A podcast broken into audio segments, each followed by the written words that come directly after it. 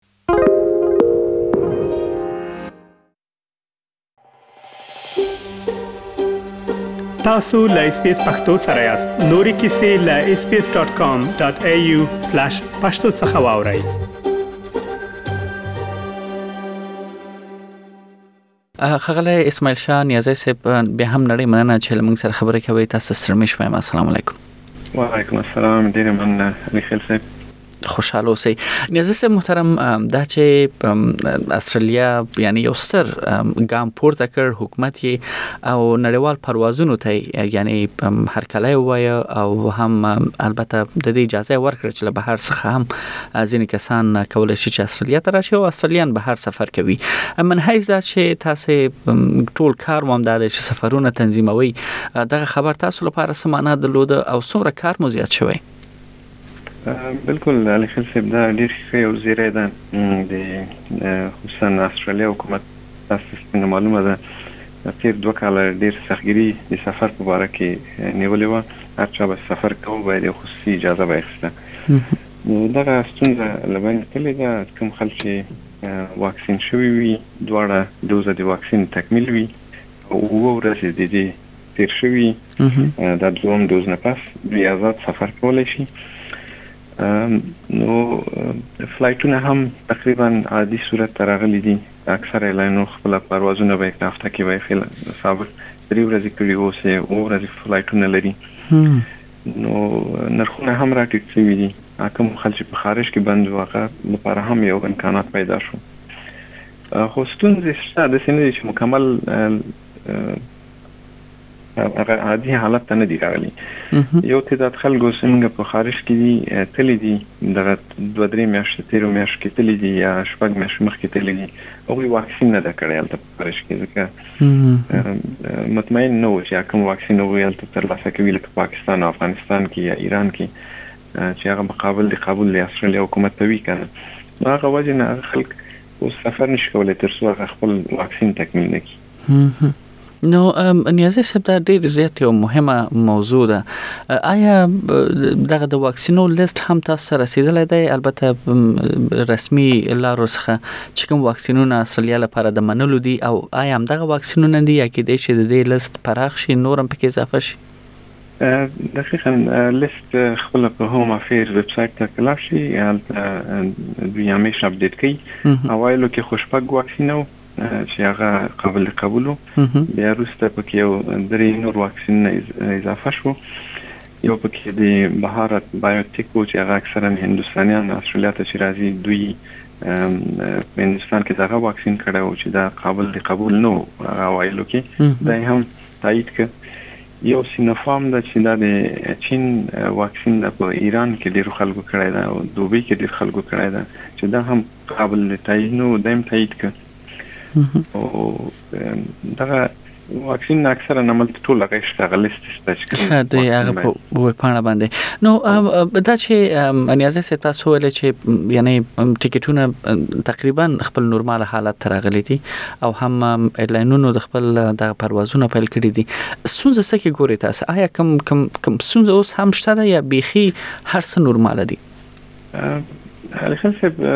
استرالیا نه خو څوک چې خارج ته ځي بیرته راځي هغه خلک چې کوم دایمي ویزه لري یا سټیزن دي استرالیاوي دوی لپاره عادي شوی دي صحیح کوم خلک چې دایمي ویزه نه لري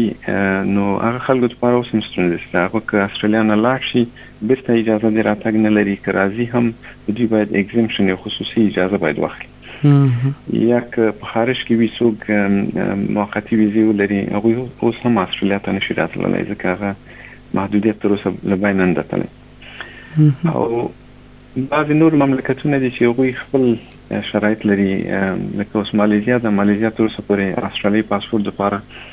لاره نه وضع کړې اجازه نه ورکي چې داخل دي مالیزیا سي سنگاپور وباسکه هغوی تازه د نومبر کې اعلان وکاو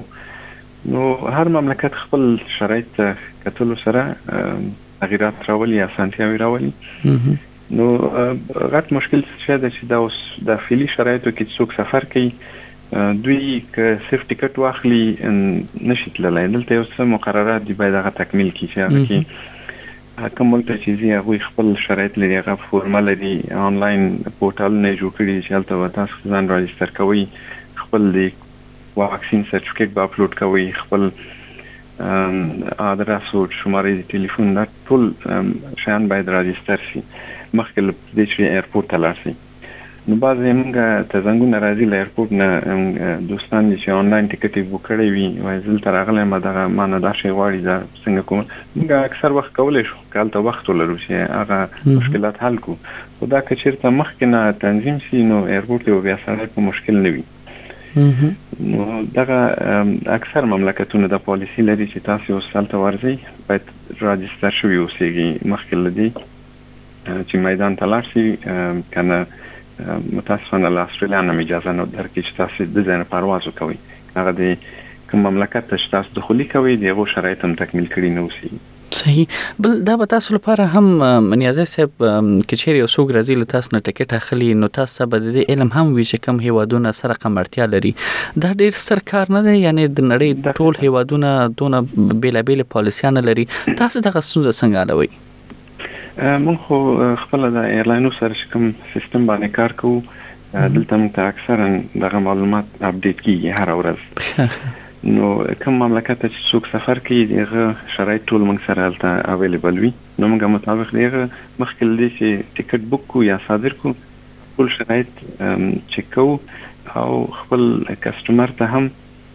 دغه شرایط هم ګورو چې د آماده ته دي شرایط ته کنه صحیح بل آماده نه وي بیا نه بکو صحیح انیازه صاحب احساس ډيري مشتریان چې دي کې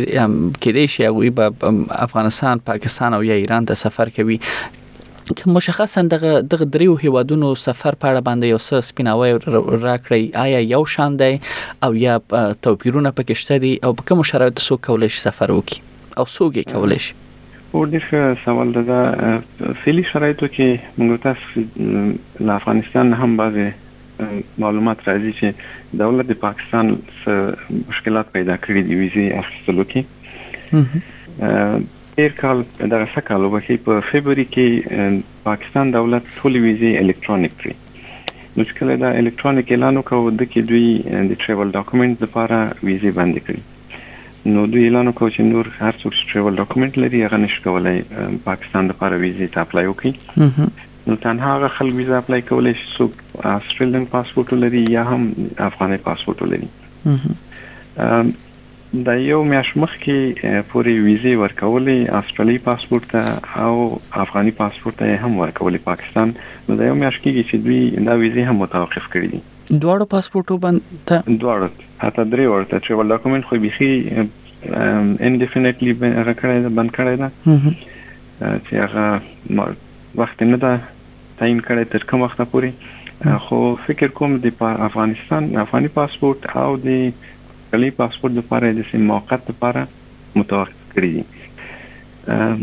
نیازه سه بخنه سره مخې لدی چې نور معلومات ورکړي دغه د استرالی پاسپورت یعنی نړۍ معتبره پاسپورت دی د دې وجه هم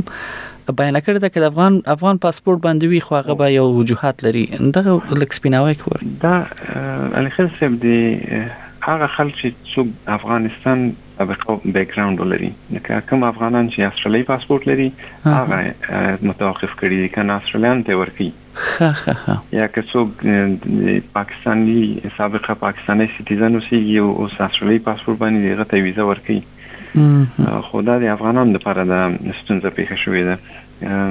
او د دې دلیل هم تر کوم ځای چې موږ سفارت سره رابطه کړې ده هغه دا ده چې په افغانستان کې تاسو ته خبره سي چې ډیر خلک هڅه کوي چې ووزي اول ته ویزه اخیستل ستونزمن کار ده نو دوی کوشش کوي چې نور مملکتو ته خپل پاسپورت کاپیانې لیږي ځکه ویزې خو به دغه الکترونیک دي له هر ځای نه اپلای کیږي له اروپا نه له استرالیا نه نور ځین نه خلک ویزې اپلای کوي چې هغه وجه نه دولت پاکستان نش کولای مشخص کړي دغه ویزه چې اپلای شوی ده دا نفر چیرته ده نو زه فکر کوم شاید اوس دوی ورته کوم نه عمل ورته آماده کی چی دغه کسان چې ویزې ته اپلای کوي یو وارې انټرویو ته سفارت ته شاید وغواړي چې مطمئن شي چې دا خلک په استرالیا کې دي صحیح دا له افغانستان نه نفر افغانستان کې نه ده نو دغه یو ستونزه ده او بل د ایران ستونزه وه مخکې اوس هغه حل شوې ده چې د اول د نومبر نه دولت د ایران د توریزم په خاطر خپل مرزونه خلاص کړ نو ویزه هم ورکي افغانان ته پاسپورت هم ورکي په ټریول ډاکومنت هم ورکي افغاني پاسپورت هم ورکي نو استرالیا نه کوم ستونزه نشته د هغو سره صحیح بل نیازه صاحب ډیری دلته پښتانه او افغانان په ځانګړي ډول دوی ژوند کوي په استرالیا کې چې دوی یعنی لنمحل استرالیي ویزه لري او کې چې د دوی ډیری سفرونه په پاکستان ته هم کېدل او ځکه افغانستان ته خو دوی د ویزو شرایط داسې دي چې سفر نشي کولای او ځکه او د ډیرو کورنۍ په پاکستان کې دي نو د دوی د سونځې یعنی څومره ډیر دي او څومره کسان ته سره مخ شوي دي او سوای دوی واقعا زمونږ هر ورځ د خلکو سره مخه ده او دا خلک ډیر د سټریس لاندې دي ځکه تېر دوه کاله اکثرو فامیلونه یې په پاکستان کې دي او نه دي لیدلي، ضرورت په اساس دوی نه شي تلای. اوس بعضو ته موږ یو پېشنهاد کړی دی، یا خو که پاسپورټونه یې فامیل لري په افغانستان، پاکستان کې وي، دوی هلته کولای شي د ایران ویزه واخلي، ده ځای نه دوی ځي ایران ته. یو تعداد خلکو ته موږ یو بل پېشنهاد کړی دی چې هغه هم هغه د اوس بعضې دلته فکر وکړي خاوند یې دلته ده ښځه یې په پاکستان کې ده بله مالدایوس یو مملکت ده چې تاسو ته معلومه ده دا مالدایوس ویزې ته ضرورت نه لري افغانستان پاسپورت ته هم ویزه په کار نه ده او ټریول ډاکومنټ ته هم ویزه په کار نه ده یو تعداد خلکو ته موږ دغه ټیکټونه آماده کړه چې له پاکستان هم فامیل راغلی ده د زینم دوی هلته یو میاشت یو نیو میاشت لپاره یو هم هالیډې هم فامیل سره وخت تیر کړي نو دغه یو لار فعلا دغه د ټریول ډاکومنت خلکو د پاره شته چې دوی کولای شي خپل فامیل سره وویني بدون د ویزې بدون کوم شرایطو رښتیا هم چې سخت حالت دی ولې نیازی صاحب که مشخصا زه د د ټکټونو باره کې زه دا سوال وکم که څوک افغانستان ته پاکستان ته سفر کوي مخکې لدی چې د نومبر اول نیټه څخه مخکې ریټونه چې یعنی بندیزونه د سفر ول په څومره ریټونه ول او دغه ریټونه او یا دغه نرخونه چې دی اوس څومره تر ټیټ شوی دی او اوسط نرخ څومره دی بله او له هغه سره خو چې مقایسه کو ډیر راټیټ شوی دی فکر وکوي چې په اکتوبر میاشت کې حتی یو طرفه ټیکټ به له خارج نه فکر وکړي له پاکستان تر استرالیا پورې اووه زره تر اته زره ډالر پورې به یو طرفه ټیکټ و نو اوس د اپریلي شرایطو کې اوس چې شروع شوي دي نومبر کې موږ راست عامه ټیکټ دوه زره ډالر وکړو پاکستان ته یا ایران ته مخکې به یو یو طرف ته ټیکټ شوډل کو بزنس اکانومي کلاس به څلورنیم پنځه زره ډالرو له ایران نه بزنس کلاس به لس یولس زره ډالرو نو اوس رفت آمد له استرالیا نه دوه زره دوه زره دوه سوه ډالر ټیکټ ده چې تقریبا هغه موږ دوه کاله مخکې سره مقایسه کو هغه حالت هم دی راغلی ممتاز ډیر فرق کړی دی نیازه سه محترم زما ورسته پښتنه لتا څخه دا وی پیغام چې ډیر بوخت هم یاست افغانستان ته د محل په کوم شرایطو سفر کیږي او آیا دغه سفر کول حالت اسانه دی یا نه ځکه چې نړیوال پروازونه هم ډیر زیات محدود دي افغانستان ته نو ساس تجربه سوي او دا ډېر سوال و دې باندې ما هم اوس درته کوم چې په دې باندې بحث وکړو فعلا افغانستان ته موږ مشکل لرو سفر انټرنیشنل پروازونه ډیر محدود دي تنها کام ایر فعالیت کوي چې هغه پاکستان ته هم پروازونه لري او ابو ظبي ته هم لري ابو ظبي ته غوي هفته کې یو فلایټ لري چې هغه کله راشي کله کینسل شي نو یو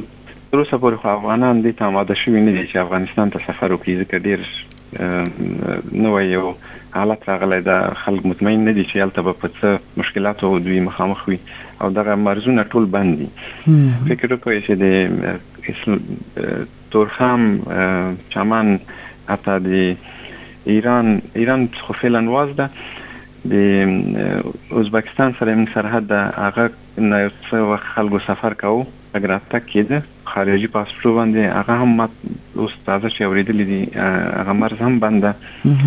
نو افغانستان ته ستونزه ډیره زیاته ده تازه د 13 هفته آریانا ایرلاین خپل پروازونه اعلان کړ چې د کابل نه دوبی ته دوی پروازونه کوي حتی سیستم کې فروشات هم شروع کړ چې موږ یو درې څلور خپل کسټمرانو په کابل کې هغوی بوک کړه هغه ورځ چې فلایټ دوبی حکومت اجازه ورنکړه بیرته یې ټول کینسل کړ نو زه فکر کوم چې ستونزه ډیره ده د افغانستان تګ راتګ کې اکثرا اوس هم چې افغانان غواړي له افغانستان نه ووځي یوازې لاره یې پاکستان ده ځکه له کابل نه اسلام آباد ته فعلا ادامه لري پروازونه څوک چې پاکستان ته راسي هغه ځای نه موږ ورته استرالیا ته ټیکټونه بوک کولی شو نو دې خوا نه هم چې افغانان ځي نو یوازې لاره یې پاکستان ده چې فعلا موږ متاسفانه ویزو مشکل لرو او بله لاره یې چې ډېره هغه ده دغه تازه موږ یو څه دوستان بوک کړي دي لا سفر یې نه ده کړی دا نږدې ورځو کې روان دي مشهد ته ځي مشهد نه بیا هرات ته هغه لاره وازه ده نو د ایران یو خوبي دا ده که څوک استرالی پاسپورټ ولري ویزه په کار نه ده آن ارایول ایرپورټ کې ورته یو میاشتنی ویزه ورکړي نو کولای شي مشهد کې کته شي بیا ډیر زیات ښه معلومات ول نیازی صاحب نړۍ مننه زموږ د اوریدونکو په ډیر زیات پام وړ ګرځیدلی وي نو بیا به هم تاسو زحمت درکو چې هر څه تحول یا تغییر راځي نو تاسو خوشاله اوسئ ښه ورځ ولرئ بس نه ډیره مننه چې موږ ته وخت راکړ ښه ورځ اس پی اس پختو په فیسبوک کې تا کې پلی مطلب یو فاک کړئ نظر ور کړئ او له نورو سره شریک کړئ